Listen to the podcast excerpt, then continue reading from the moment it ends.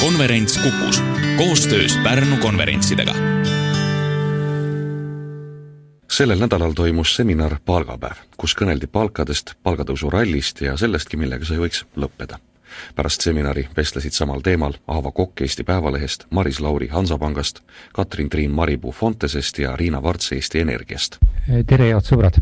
oleme rääkimas palgast ja sellest, et mis palkadega üleüldse Eestis on juhtumas ja, ja kuna võiks siis see suur-suur palgatõus meid ka suure õnneni ja, ja suurte rahakottideni viia me tegelikult ei istu Kuku stuudios, me oleme hoopis SAS Radissoni ühes suhteliselt, ma ütleks, kõledas nõupidamiste toas ja meid on neli.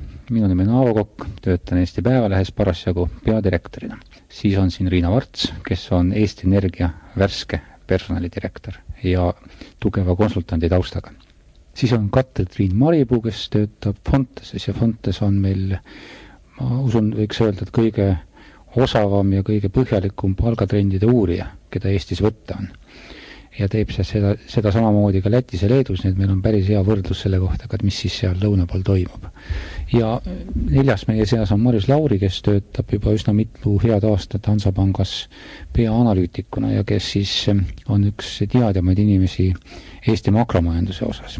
niisiis räägime palgast. ja see situatsioon on siis seesugune, et olge head, head täiendage meid siis kõikide numbritega, kus ähm, palgad on Eestis tõusmas noh, mitte viis protsenti ja mitte kaheksa protsenti, vaid vähemasti kümme protsenti, vähemasti viisteist protsenti. ja et see ei ole ainult Tallinna küsimus või üksikute ettevõtete küsimus, et see on saanud selliseks rahvuslikuks äh, spordialaks. et äh, kui me teeme esimese arutlusringi just sellest, et et mida te oma vaatepunktist näete, et mis tegelikult toimumas on ja minu lisaküsimus on, et et kui kaua seesugune tõus jätkub või õigupoolest, et kui me ei oska aega öelda, siis et kuidas see lõpeb? kuidas näeb välja nüüd see aasta, kui me ütleme, et vot järgmisel aastal palgad tõenäoliselt enam ei tõuse nii palju kui eelmisel aastal? palgatõusu taga on ikka see, et ettevõtetel läheb hästi ja nad kasvavad ja siis on vaja rohkem töötajaid, samas neid vabu töökäsi jääb järjest vähemaks, eriti neid, mis on sellised head töökäed ja selleks üheks võimaluseks neid töökäsi saada on siis rohkem palka maksta ja nii-öelda konkurentidelt üle lüüa. ja võib-olla ka meelitada siis äh, neid inimesi tööle, kes äh, mingil põhjusel ei ole tööl, äh, kas siis madala palga või, või sellepärast, et nad on näiteks pensionile läinud. nii et see on nagu lükkamas seda palgatõusu kiiresti ülesse. kaua see nüüd kestab? tundub, et see võib kesta päris kaua et selline viieteistprotsendine palgatõus, nagu sel aastal meil senini on keskmiselt olnud, võib kesta ikkagi pikalt, kui me noh, siin teatud protsesse läbi teeme ja selle palgatõusu ja tööturuga tegeleme. ta võib ka muidugi väga kiiresti ja valusalt lõppeda, kui noh, näiteks keerame palgatõusu viiekümne protsendi peale paari aasta jooksul, siis äh, ettevõtted ei ela seda üle ja panevad tootmise kinni ja siis paar aastat palkad ei tõuse. kas äh, samasugune asi toimus ka Lätis ja Leedus? Lätis tegelikult oli sarnane hästi hüppeline palgatõus eelmisel aastal ja seda just eelkõige väljaspool Riiat, kuid ka Riias. Ehm, see, selle aasta palgatõus äh, Lätis oli samas nagu oluliselt väiksem kui eelmisel aastal. nii et seal toimus see üheaastaline hüpe, aga sama küsimus, et mida ta teeb kahe tuhande seitsmendal või kahe tuhande kaheksandal aastal. aga kui nüüd Eesti palgaturgu vaadata, siis tegelikult sarnane selline hüppeline tõus oli tegelikult ka üheksakümne seitsmendal aastal Äh, et kuna Fontes on teinud neid uuringuid juba kaksteist aastat, siis me näeme, et äh, tegelikult sarnane hüpe on tulnud ja tollel hetkel lõppes see üsna järsu langusega üheksakümne kaheksandal aastal, et see tõus tegelikult väga pikalt ei kestnudki ja ja oli see hästi selgelt seotud ilmselt muu majanduse keskkonnamuutusega. Vene kriis üheksakümne kaheksanda aasta lõpus, mis äh, pani ikkagi paljud ettevõtted ju seisma kas sellest teie aruannetes siis paistis nõnda välja, et palgad lausa langesid mingisuguste keskmiste näitajatena üheksakümne kaheksandal aastal võrreldes üheksakümne seitsmega? palgatõus kui selline vähenes, et kui ta üheksakümne seitsmendal aastal oli üheksateist protsenti, siis üheksakümne kaheksandal aastal kolmteist ja üheksakümne üheksandal aastal siis juba üheksa protsenti ja jäi siis nagu pikkadeks aastateks stabiilselt püsima kaheksa-üheksa protsendi juurde kui nüüd kommenteerida seda, mis, mis toimub, nii nagu sa küsisid, siis, siis noh, olemata analüütik ja, ja teadmata ka ikkagi seda statistilist poolt nii sügavalt, on mul küll selline tunne, et me oleme sattunud mingisuguse, mingisugusesse meeletusse nagu nõiaringi, sest, sest tegelikult on see kõik äh, justkui kuskilt äh, pigem siiski ajakirjandusest nagu alguse saanud, et sellest nõiaringist tundub täna olevat niivõrd raske välja rabeleda juba, sest kui kui, kui täna avaldame palgastatistikat ettevõtetele ja neile, neile näidatakse, et sel aastal oli palgatõus kaksteist või neliteist, mis iganes ta oli, ja neid küsida, mis te prognoosite järgmiseks, siis nad automaatselt ütlevad sama kõrge numbri, nad ju ei ütle siis kolme või nelja, ehkki neil endil on nagu taskud tühjad ja neil nagu ei ole justkui kuskilt seda tõusu tagada see oli üks kommentaar, mis ma tahtsin öelda. teine asi, et kui äh, Maris, sina ütled, et et probleem on võib-olla selles, et ettevõtted kasvavad ja järjest rohkem on vaja häid inimesi, siis teiselt poolt on ju olnud juttu ka sellest nii-öelda ülemehitamisest.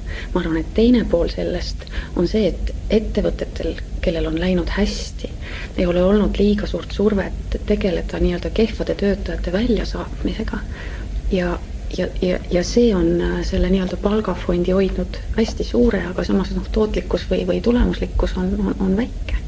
et kui me nüüd selle, selles mõttes kõhu alt jalad välja võtame ja ka selle, selle nii-öelda mittetulemusliku töötajaga tegelema hakkame ja, ja, ja seda kvaliteeti sealt otsast tõstame, ma arvan, meie probleem võiks lahenema hakata kõige lihtsam tootmist suurendada nii, et paneme teise samasuguse tootmisliini kõrvale ja võtame needsamad äh, kakskümmend inimest sinna tööle, nagu eelmisel töötasid. aga võib-olla oleks äh, targem näiteks töö ümber korraldada nii, et äh, nende tootmispauside asemel liin töötaks, ütleme ilusti korralikult kogu aeg. võib-olla olen tar-, oleks targem osta midagi uuemat, mingi moodsam tehnoloogia, ta võib olla esimese hooga nagu kallim aga ta võib-olla tasub ennast äh, kahe aastaga ära, eks. selle asemel, et selle vana liini peal oodata nagu viit aastat. kui vaadata muidugi nüüd ettevõtte tasemelt minna nagu terve majanduse tasemele, siis natuke kindlasti tuleb inimesi juurde paratamatult sellest, et äh, väga odavad palgad, palgad saavad otsa, nii et osad ettevõtted panevad ennast paratamatult kinni, et siin ei ole mitte midagi teha. et äh, sealt natuke tuleb kindlasti leevendust juurde, ütleme, aga ka need inimesed vajavad siis harimist ja koolitamist, et noh, see, see etapp tuleb meil ka läbi elada. kui sa räägid siin tootmise ümberkorraldamisest ja uute masinate ostmisest, et mina suhtlesin hiljaaegu ühe tehase juhiga, kes ütles, neil läheb väga hästi, sest nad hiljaaegu alles avasid tehase ja neil on väga uued masinad ja neil ei ole ei tööjõu ega, ega palgaprobleeme. kas see palkade tõus, mis praegu on toimumas, et kas see puudutab ühteviisi nüüd kõiki palgakategooriaid või ütleme, töötajaskonna kategooriaid või me võime siin kuidagiviisi eristada, et noh, näiteks lihttööliste osas toimub ühtemoodi areng ja ja siis kontoris töötavate inimeste osas toimub teisesugune areng ja juhtidega mingi kolmandat sorti värk. siin tegelikult ongi, et nagu erinevates sellistes töötajate gruppides või töötajate segmentides on tegelikult need muudatused olnud erinevad, erinevatel põhjustel. et äh, kui rääkida näiteks just ütleme teenindajatest, äh, ka töölistest, äh, siis nende puhul on loomulikult ütleme, see surve palkadele olnud hästi suur nende jaoks on viimase kahe aasta jooksul tekkinud oluliselt rohkem valikuvõimalusi, on tulnud nii uusi ütleme, tootmisettevõtteid, teenindusettevõtteid, kui ka ütleme, väljaspool Eestit võimalus kas mingil perioodil või pikaajalisemalt siis töötada. Äh, ja seal on tõepoolest, ütleme, tuleb nagu väga selgelt esile, et ka need suuremad tõusud, kus, mis on olnud nagu erinevate tööde puhul on olnud just nimelt ütleme, tööliste teenindajate puhul. nüüd äh, teistpidi on olnud tegelikult ju ka välisnõudlus osade meie spetsialistide osas, et kui me näit-, räägime näiteks IT-inimeste palkadest, äh, siis tegelikult see on see, kus me oleme ka avatud struktuuris, avatud süsteemis ja kus tegelikult otsitakse siis äh, nagu Eestis just nimelt seda, seda tööjõudu, kes jääb küll Eestisse tööle, aga samas nad töötavad väga selgelt nagu välisettevõtte jaoks. Ja see, et seda tööjõudu tegelikult ka sisuliselt imporditakse ja neid spetsialiste ots-, otsiti, on üles viinud ka näiteks selliste spetsialistide palgad. samas nüüd, kui rääkida nagu ülejäänud ütleme, spetsialistidest, tippspetsialistidest, keskastme juhtidest. siin on nagu päris huvitav trend, et äh, nemad sageli on jälle väga kinni oma olemasolevas töökohas, ehk et paljud tööandjad kurdavad, et kui näiteks teha kas konkurss või otsid nagu mõnele ametikohale inimest, siis tegelikult see soovijate arv ei olegi väga suur mis tähendab, et selleks, et nüüd seda inimest endale meelitada, peab see pakett olema üsna atraktiivne. tegelikult selles suhtes tuleb küll välja, et erinevates gruppides võivad need motivaatorid olla üsna erinevad.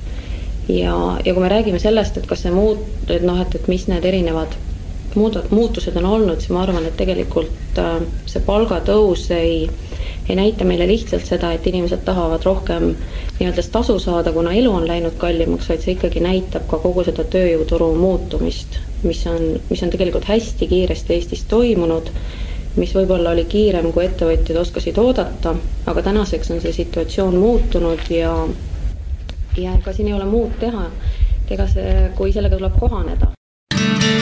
konverents Kukus koostöös Pärnu konverentsidega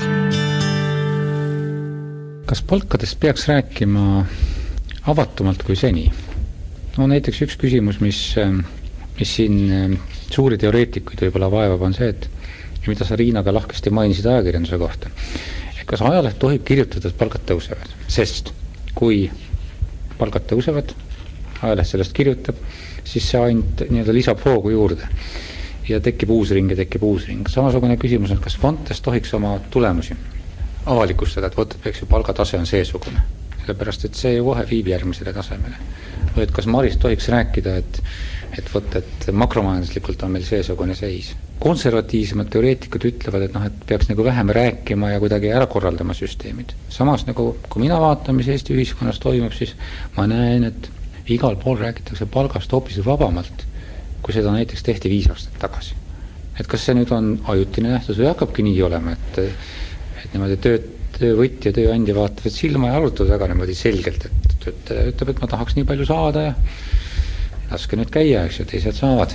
see teema, mille sa esimesena nagu õhku viskasid, et kas ajakirjandus võib ja kas Fontes tohib ja kas Maris Lauril on ilus rääkida neist asjadest, mina arvan, et kindlasti võib ja, ja peab.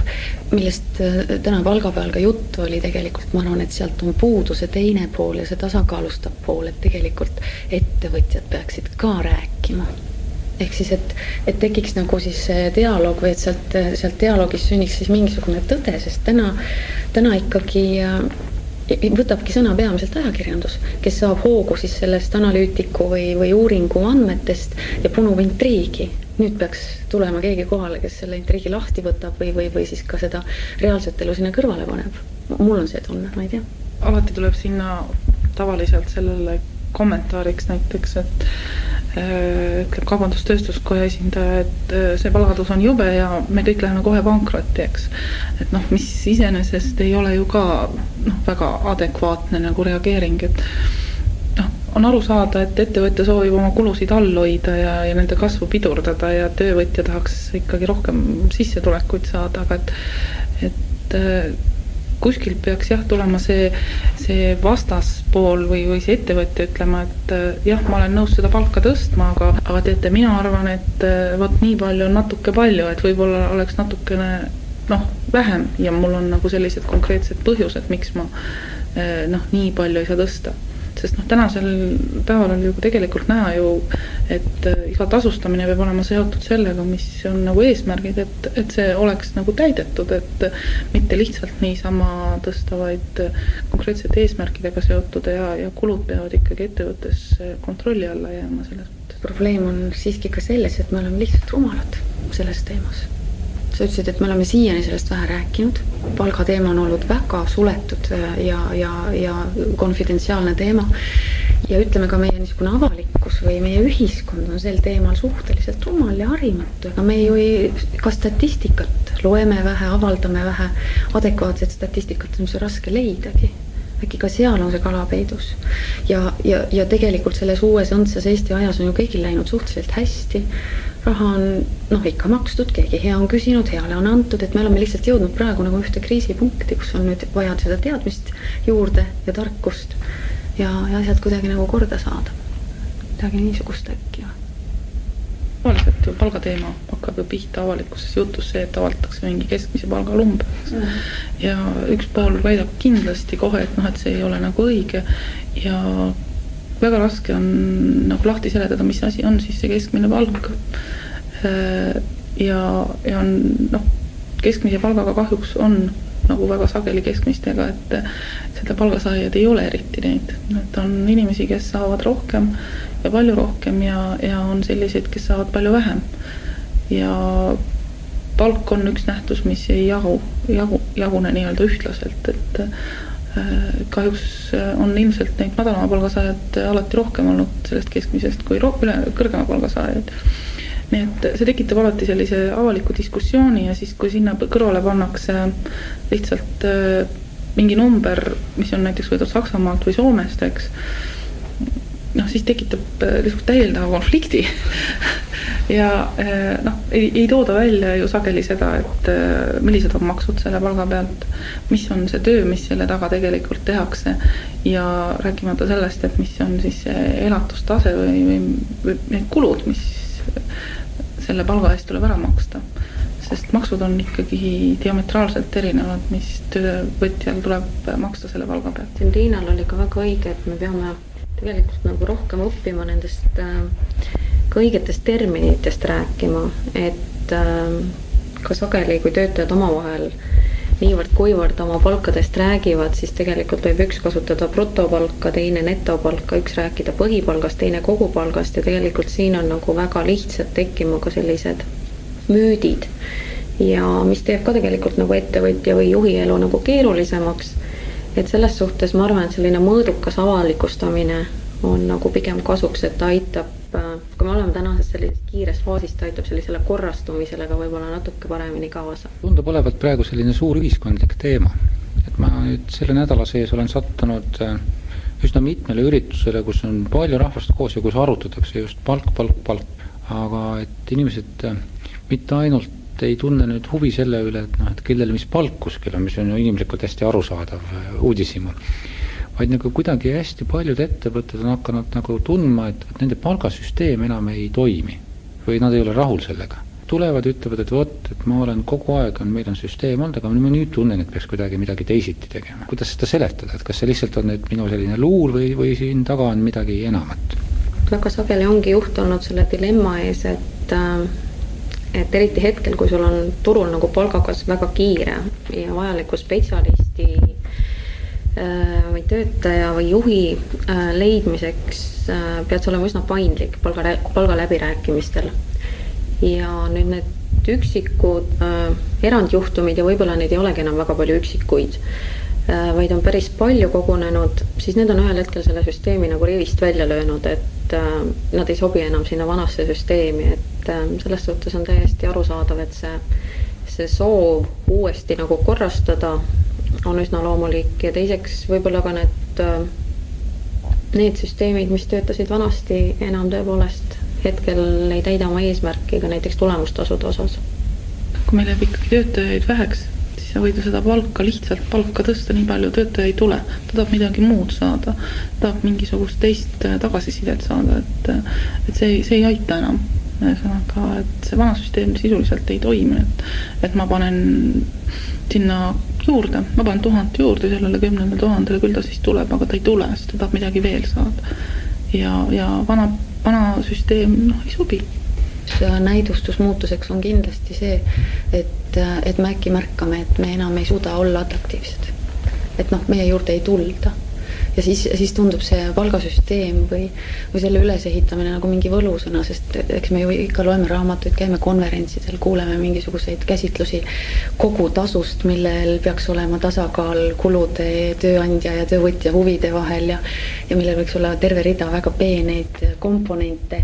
Ja siis pöördub ju tippjuht oma personalijuhi juurde ja ütleb, tule tee meile ka selline.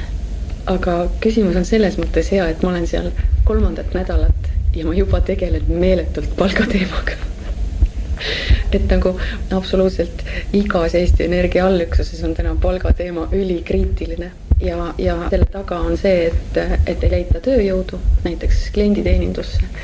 või selle taga on see, et süsteem tuleb ümber vaadata, sest tulemustasu osa tasust ei tööta ei mõjuta neid, neid ja neid käitumisi, mida, mida tahaks mõjutada. kui sa nüüd kirjeldaksid oma meetodit, et sa pead, eks ju, millestki pihta hakkama elus oled proovinud, üks asi töötab paremini, teine mitte, et kuidas üldse ühe suure ettevõtte personalijuht hakkab sellist pusa lahti arutama? no vot, see on tõesti nii, et sul võib olla neid kogemusi ühest ja teisest ettevõttest ja sul võib olla peas nii mõnigi skeem, aga sa pead ikka hakkama algusest.